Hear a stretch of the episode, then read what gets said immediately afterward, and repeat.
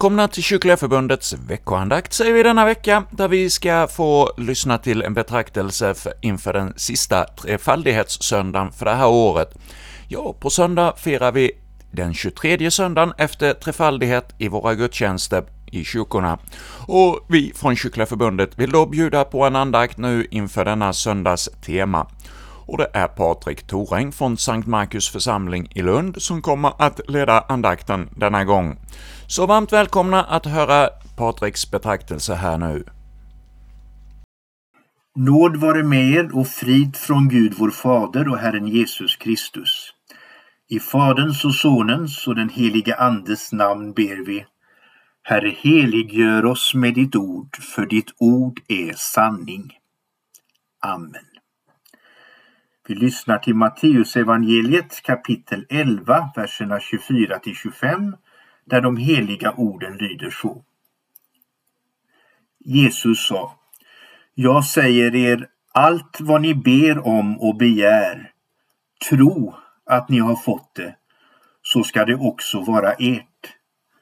Och när ni står och ber, så förlåt om ni har något mot någon då ska också er himmelske fader förlåta er era överträdelser. Så lyder det heliga evangeliet, lovad vare du Kristus. Orden handlar om bön, bönhörelse och förlåtelse. Vi ska då, idag ta fasta framförallt på förlåtelsen. För det är ju förlåtelsen som liksom öppnar upp för den gemenskap med Fadern som gör bönhörelsen möjlig. För bönhörelse är ju mer än att bara få det man önskar av Gud. Bönhörelse är också en viljegemenskap med Gud, där Herren genom att höra sina barns böner låter oss vara med då han förverkligar sin goda vilja. Bönhörelse förutsätter att vi lever i Kristus, Guds egen son, att vi har del av Guds eget liv så att vi kan få det som han vill ge oss. Och att vi har en sådan gemenskap förutsätter att inga synder står som en barriär som skiljer oss från Gud. Ja, det förutsätter att våra synder är förlåtna. Förlåtelsen är alltså helt grundläggande i den kristna tron och åskådningen. Förlåtelse kan ske på många plan. Idag ska vi nämna tre sådana plan eller sammanhang där förlåtelse förekommer. Först förlåtelse mellan stater, folk och grupper i samhället. Sedan för det andra förlåtelse i den kristna församlingen och sedan den enskildes förhållande till förlåtelse gentemot Gud och medmänniskor. Men först alltså förlåtelse mellan stater, folk och grupper i samhället. Det vi kan tänka på då är företeelser som till exempel då det tyska folket genom sina företrädare skulle be judarna om förlåtelse för de brott som begicks mot judar under tredje riket i, i, det, i Tyskland på 30 och 40, i början av 40-talet. Och det finns andra sådana exempel. Man kan fråga sig om denna typ av förlåtelsehandlingar är meningsfulla. Kan grupper förlåta andra grupper när inte alla medlemmarna i en grupp deltagit i förbrytelsen som man vill ska förlåtas. Kan en senare generation ge förlåtelse för illdåd som drabbade inte dem själva men deras förfäder? Ja, vad säger Bibeln om detta? I en ledtråd kan vi hämta i verser där företrädare för Guds folk ber Herren om förlåtelse för hela folkets missgärningar. Inte bara då heller för sina samtida, eh, den gemenskapen, utan även för vad tidigare generationer har begått i form av förbrytelse mot Guds bud. I profeten Daniels bok finns en sådan syndabekännelse i det nionde kapitlet där Daniel ber Herren om nåd för Israels folk och för dess kungar för synd som anhopats sedan generationer tillbaka av detta Guds folk Israel. En grundläggande tanke är då att ett folket är en gemenskap, en kollektivperson som liksom finns där som en gemenskap som sträcker sig över generationerna, alltså att folken är en gemenskap också över tiden. Man hör ihop och har ansvar för varandra. Man delar sorger och glädjeämnen. Man visar olydnad, i lydnad och, eller lydnad som gemenskap. Även om vissa medlemmar avviker på ett gott sätt när man lyder Gud eller på ett ont när man alldeles Eh, själv då enskilt eh, bryter mot Herrens bud så hör man ändå ihop som folk, som en gemenskap. Alla, även den ogudaktige, har ju del av Guds välsignelser mot folket som helhet. Och alla, även de fromma i landet, drabbas av Guds straffdomar över folket när majoriteten avfaller från Guds vilja. Det är en biblisk verklighetsuppfattning att det är på detta sätt. Och den öppnar ju upp för förlåtelse och försoningsprocesser där folk och grupper förlåter varandra, där nu levande generationer tar på sig skuld för förfädernas brott, just därför att folket som bor i ett land är en gemenskap över tiden. Dessa uppgörelser med brott i det förflutna kan också vara nödvändiga för att man ska gå vidare i sin relation med ett annat folk eh, mot vilket man har förbrutit sig. Men det finns problem med den här saken. För att förlåta det är ju mer än att säga förlåt. Att, förlåtelse, att förlåta är också att inte tillräkna skuld, att stryka ett streck över skulden. När Herren förlåter den botfärdige syndaren dennes missgärningar så efterskänker han ansvar och konsekvenser av ett brott. Och det kan Herren göra därför att Jesus Kristus, vår frälsare, själv har burit konsekvensen av brottet som syndaren begick. Jesus bar våra synder i vårt ställe. Det kostar på att förlåta för den som förlåter. Och ofta kan försoningsprocesser därför bli ett skådespel inför massmedia där förlåtelseorden egentligen inte innebär att man efterskänker därför att bitterheten finns kvar i hjärtat. Och där den som ber om förlåtelse heller inte upplever att man har skulder som man vill få efterskänkta eftersom man inte känner sig så speciellt skyldig. Det beror på att gemenskapen mellan medlemmarna i folket eller gruppen inte är så stark. De band som håller ihop gemenskapen är svaga och man känner sig inte speciellt berörd över det som har hänt till exempel i det förflutna då. Upplevelsen av skuld har inte förts vidare från en generation till en annan. Ett annat problem kan vara att man inte ransakar sig inför Guds ord utan bara inför vad människor tycker. Till exempel, förtryck av andra är ju ont och skapar skuld och det med rätta. Men en annan sak som dödande av ofödda barn är också något mycket ont och som verkligen, bör, som, som verkligen innebär att man står med skuld. Och i förhållande till den saken beträffande övergreppen på de ofödda barnen där skulle man önska en uppgörelse med ondskan där människor eh, som människor gör sig skyldiga till i vårt land när man dödar ofödda barn i en skrämmande omfattning. Generationer av rika välmående svenskar offrar tiotusentals barn varje år på bekvämlighetens altare i form av fosterfördrivning eller abort. Men tänk om vårt folk en dag skulle besinna sig sluta med dessa handlingar och ärligt och offentligt be Gud och de barn man förgripit sig mot om förlåtelse för det. Och också förbinda sig att aldrig mer göra på det sättet. Det skulle vara en stark, god handling som skulle rädda framtida människoliv. Förlåtelseprocesser ska för att få full välsignelse ha som sin grund Guds vilja.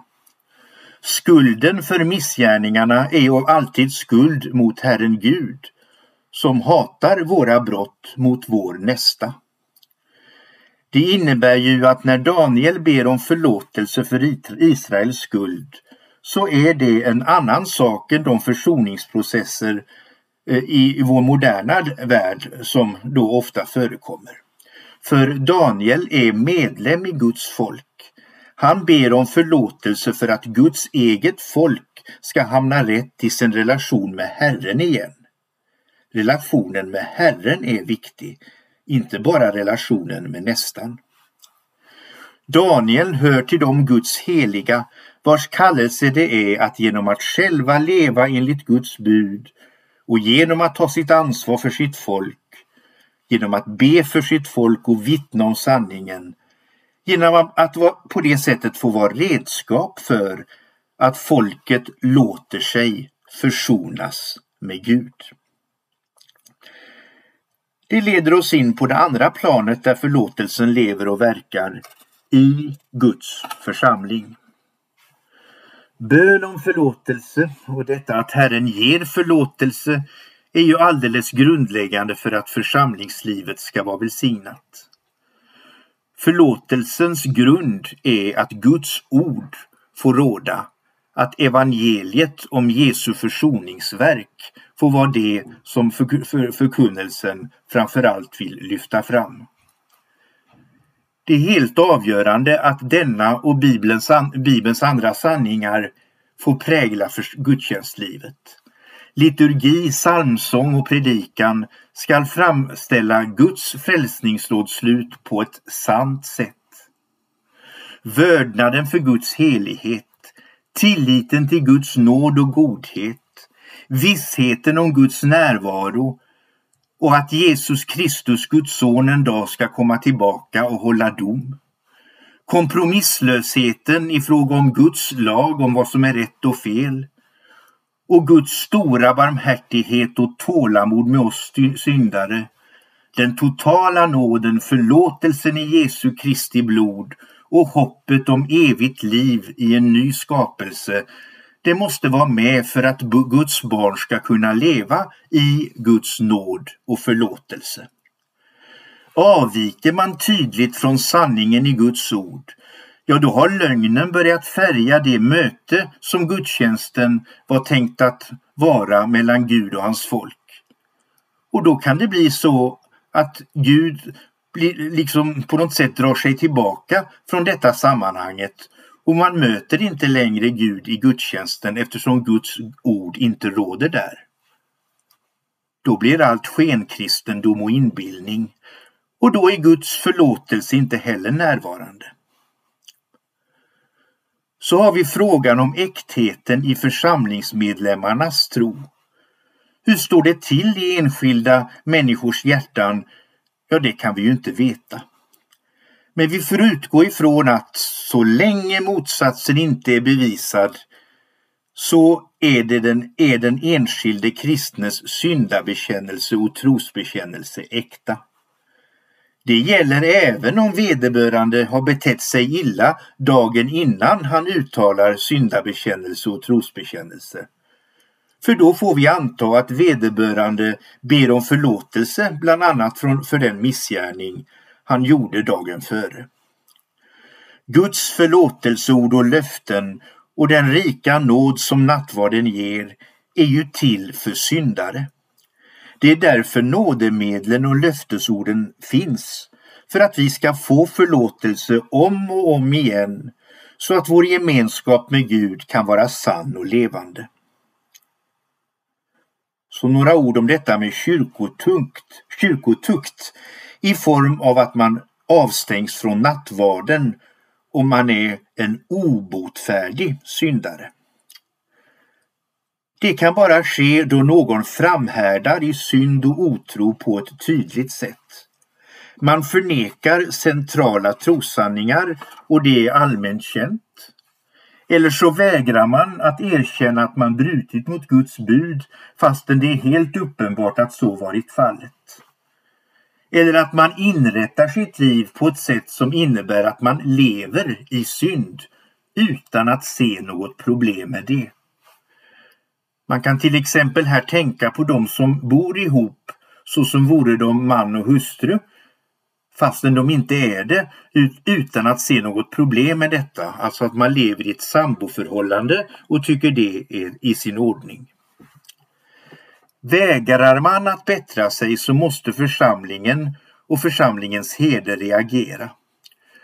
Hur det ska ske kan diskuteras, det är olika från fall till fall. Hur man ska förmedla tillrättavisning och varning.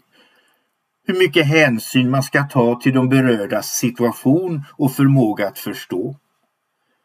Men reagera måste man på något sätt.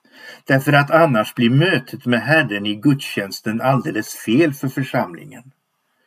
För fastän gudstjänsten är biblisk så demonstrerar man genom att inte alls reagera när det är uppenbart och allmänt känt att någon av dem som regelbundet samlas vid altaret syndar med vett och vilja utan någon ånger eh, över detta då är det uppenbart att denne inte tar Guds ord på allvar och det skadar församlingens vittnesbörd. Och att inte reagera det är också att inte visa omsorg mot den som felar och som behöver ledas rätt i sin relation med Herren, som behöver tillrättavisas. Men så ska man lägga till följande. Den som ångrar sig och vill bättra sig ska omedelbart tas emot som en broder eller syster i Herren.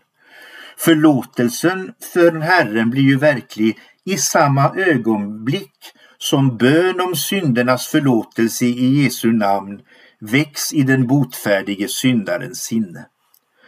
Därför ska församlingen genast ge uttryck och ord åt denna verklighet och för synden som har begåtts och bekänts får förlåtelse i Kristi namn.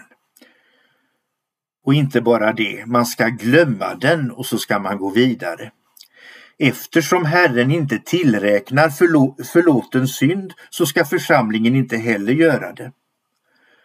Sedan är det en annan sak om det som syndaren kan ha ställt till med eller eh, det förtroende som man har haft att det har skadats allvarligt, att det innebär att man måste eh, eh, inte kan gå vidare precis som innan utan att man måste reparera de här sakerna på något sätt. Så den enskilde kristnes liv i Guds förlåtelse. Den enskilde kristnes liv i Guds förlåtelse.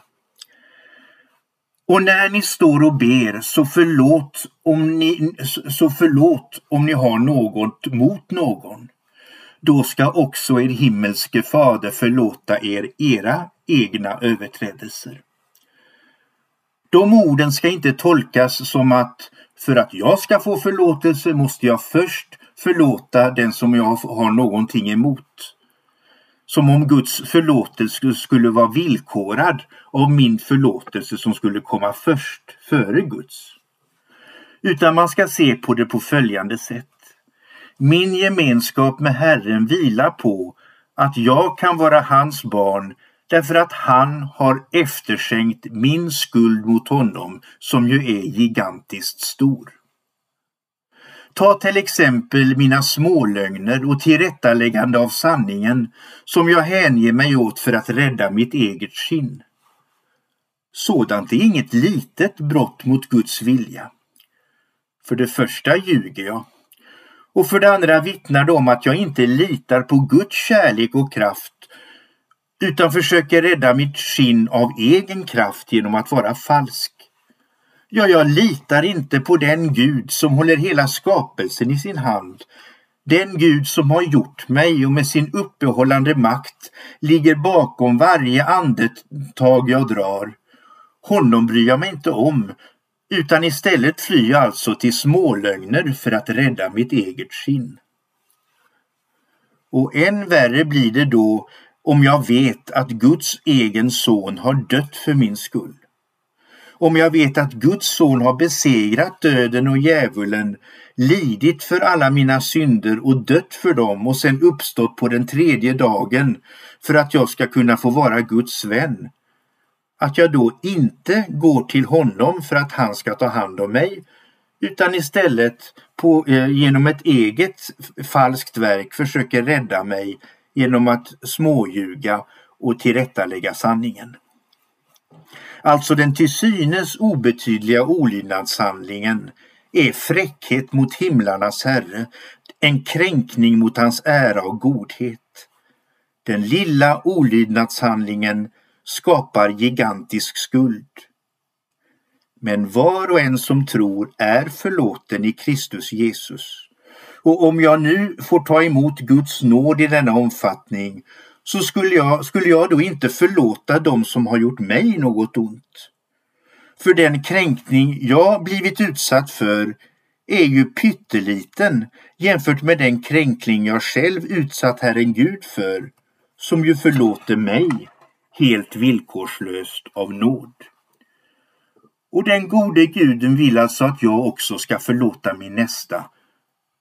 Och förstår jag detta och tror jag och bekänner denna sanning, då lever jag i Guds förlåtelse. Och när man lever så, eh, så att man förlåter sin nästa, ja då visar det sig att man lever i gemenskap med förlåtelsens Gud. Ett tecken på en helgad människa är alltså bland annat att man har en förlåtande attityd.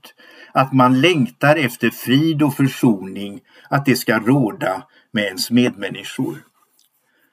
Däremot att inte vara uppfylld av en sådan längtan, att vara bitter och långsint och snarstucken, visar att man har ett problem också i förhållandet med Gud. Men om man nu vet med sig att man är långsint och snarstucken och har det problemet och brottas med det. Eller om man inte orkar förlåta sin nästa som har kränkt mig på ett mycket svårt sätt. Ja, då får jag be om förlåtelse för min långsinthet och också för min oförmåga att förlåta av hjärtat och be att Herren helar mig ifrån detta.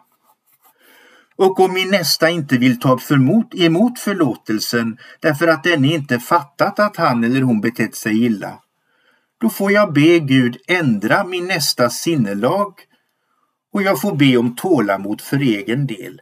Det viktiga är alltså att ha en förlåtande attityd, att vilja längt, ha frid och försoning också att bekänna och ångra sina egna felsteg.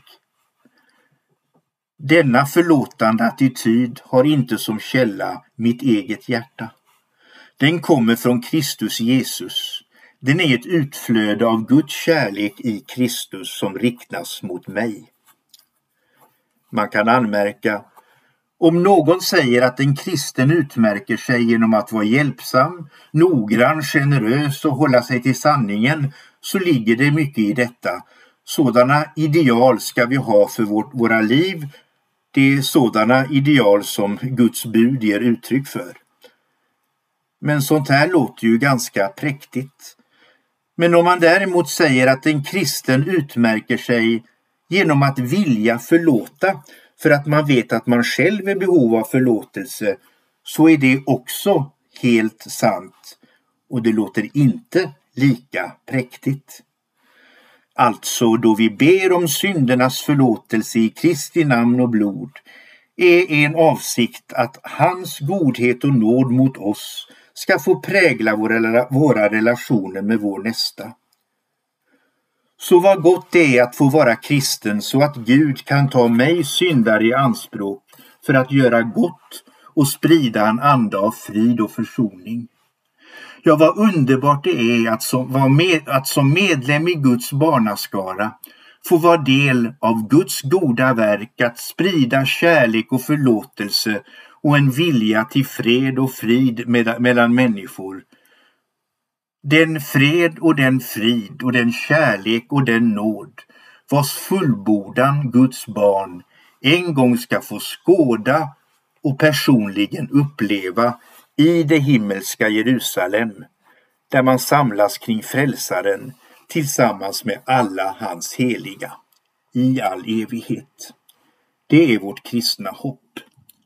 Amen. Lovad vare Gud och välsignad i evighet som med sitt ord har tröstat, lärt, förmanat och varnat oss.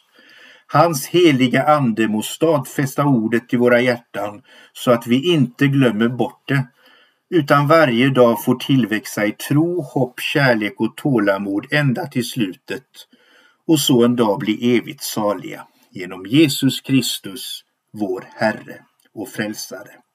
Amen.